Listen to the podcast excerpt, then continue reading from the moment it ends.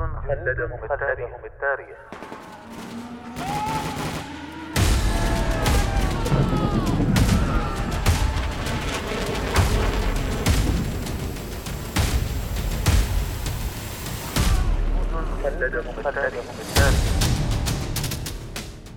كم يفخر التاريخ العسكري برجال كتبوا سيرهم في سجلاته بحروف من الجهد والتضحية والعطاء. فبقت أسماؤهم خالدة باقية مثالا لمعنى الجندية التي دبت خطواتها كل شبر من أرض الوطن. جنود خلدهم التاريخ. برنامج أسبوعي نتعرف من خلاله على الجنود الذين ضحوا بحياتهم من أجل أوطانهم. يعده الدكتور هلال بن سعيد الحجري ويقدمه الرائد الركن. محمد بن سعيد المشيخي. تيرو ناكامورا.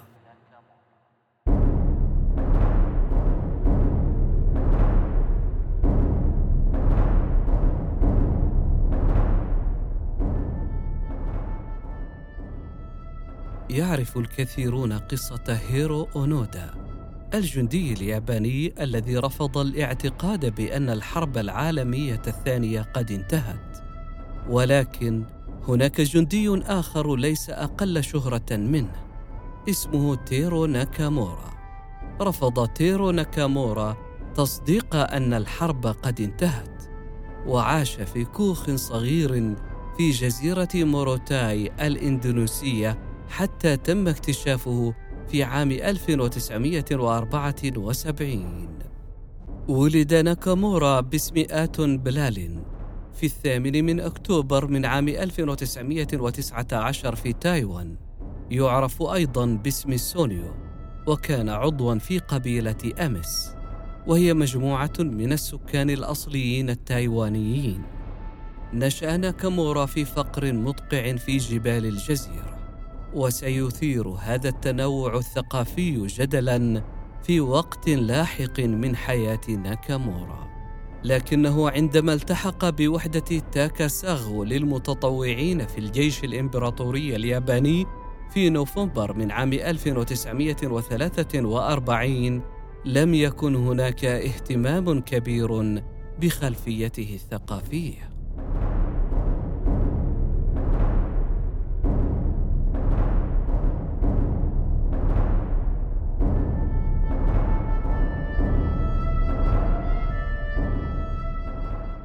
تمركز ناكامورا في جزيرة موروتاي في جزر الهند الشرقية الهولندية بعد فترة وجيزة من تجنيده في الخامس عشر من شهر سبتمبر من عام 1944 هاجمت القوات الأمريكية والأسترالية الجزيرة في مهمة عرفت باسم معركة موروتاي. قاتل الجنود اليابانيون بضراوة. لكن العدو فاقهم عددا كبيرا وعانوا من خسائر فادحه استسلم العديد من الرجال المتبقين لقوات الحلفاء والبعض تراجع إلى عمق الغابة الكثيفة بالجزيرة. ووفقا لمجلة التايم فقد صدرت أوامر لوحدة ناكامورا بشن حرب عصابات في مثل هذه الظروف. خلال الأشهر القليلة اللاحقة قبض على العديد من الأعضاء المتبقين في الجيش الياباني ومنهم من مات بسبب المرض أو الجوع. لكن ناكامورا ظل مع مجموعة صغيرة من رفاقه مصمما على الاستمرار في اتباع الأوامر على الرغم من عدم وجود طريقة للتواصل مع العالم الخارجي. ونظرا لخلو سجل لاستسلام من ذكره أعلن الجيش الياباني وفاته في الثالث عشر من نوفمبر من عام 1944 وقد مر ثلاثون عاما قبل أن تعرف عائلته الحقيقة.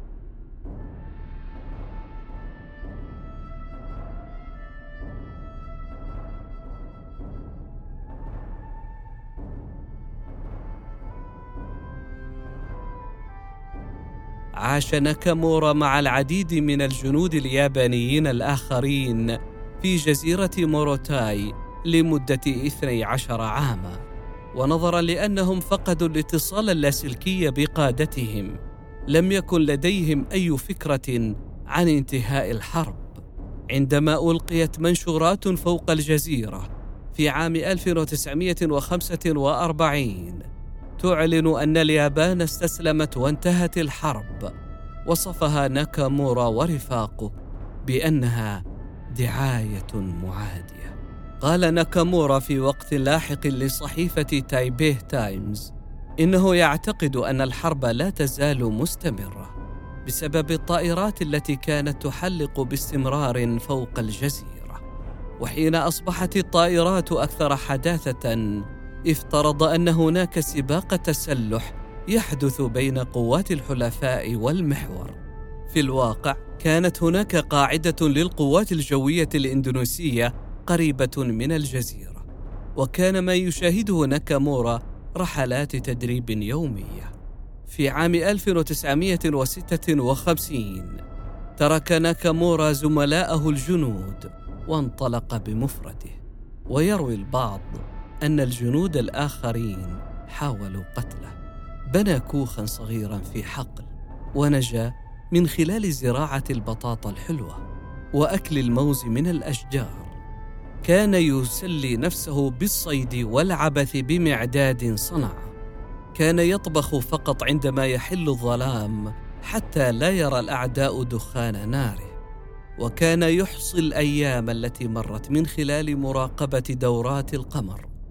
ويتتبع الأشهر والسنوات من خلال ربط العقد في حبل. قال لاحقا في إحدى الصحف بقيت بهدوء على قيد الحياة هناك. وعلى الرغم من أنه لم يكن لدي أي شخص لأتحدث إليه بدا وكأن بصيص أمل مدفون في أعماق قلبي. أثر السعاده الوحيد خلال هذا الوقت جاء من حقيقة أنني ما زلت على قيد الحياة. ولم أفقد إحساسي بالوجود وأضاف أصبح عدم فقدان حياتي هو هدفي الوحيد وهذا استنفد كل وقتي تقريبا.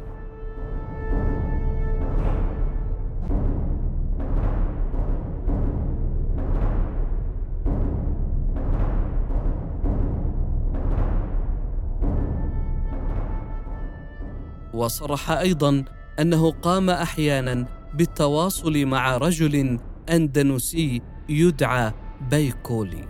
تلقى منه الضروريات الأساسية وبعض وسائل الراحة مثل الشاي والقهوة.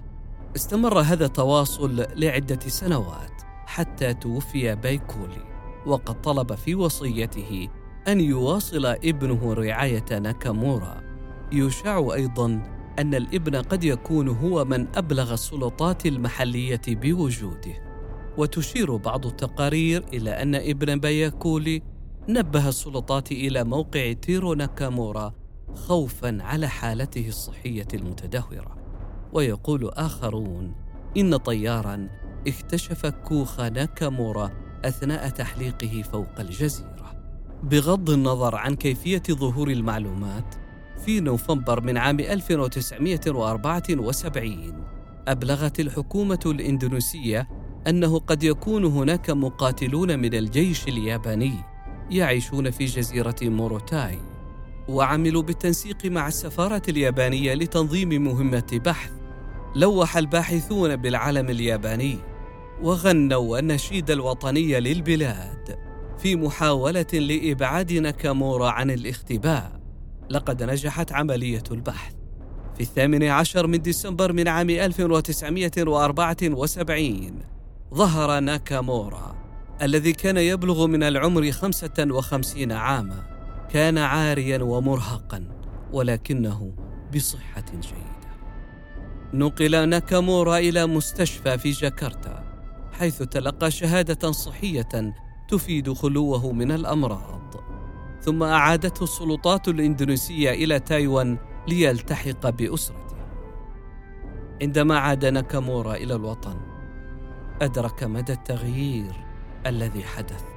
مات والداه أما ابنه الذي كان رضيعا عندما تم تجنيده فقد أصبح رجلا ناضجا ولديه أربعة أطفال. كما وجد زوجته قد تزوجت من غيره على افتراض. أنه مات في الحرب.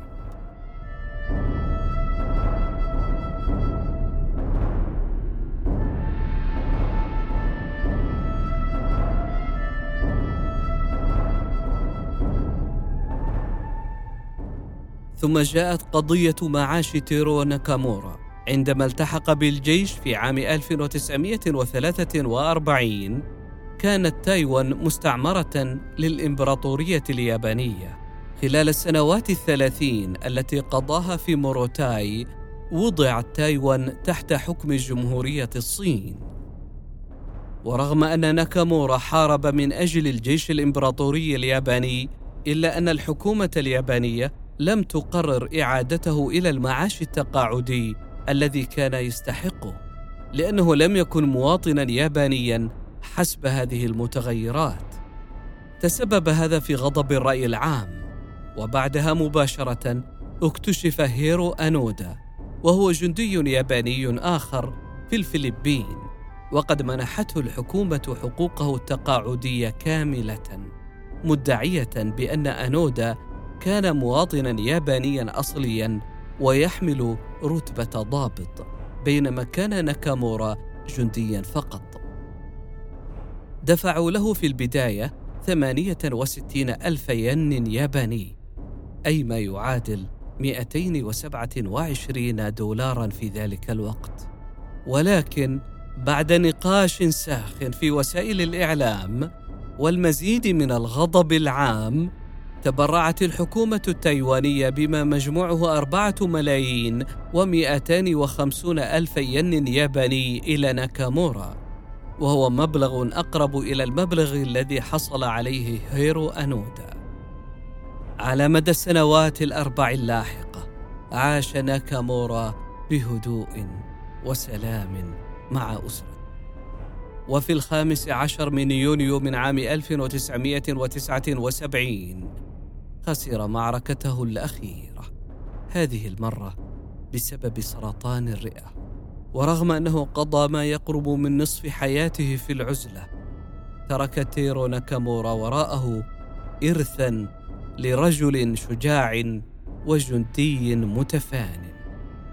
وهكذا أصبح من الجنود الذين خلدهم التاريخ. جنود خلدهم التاريخ.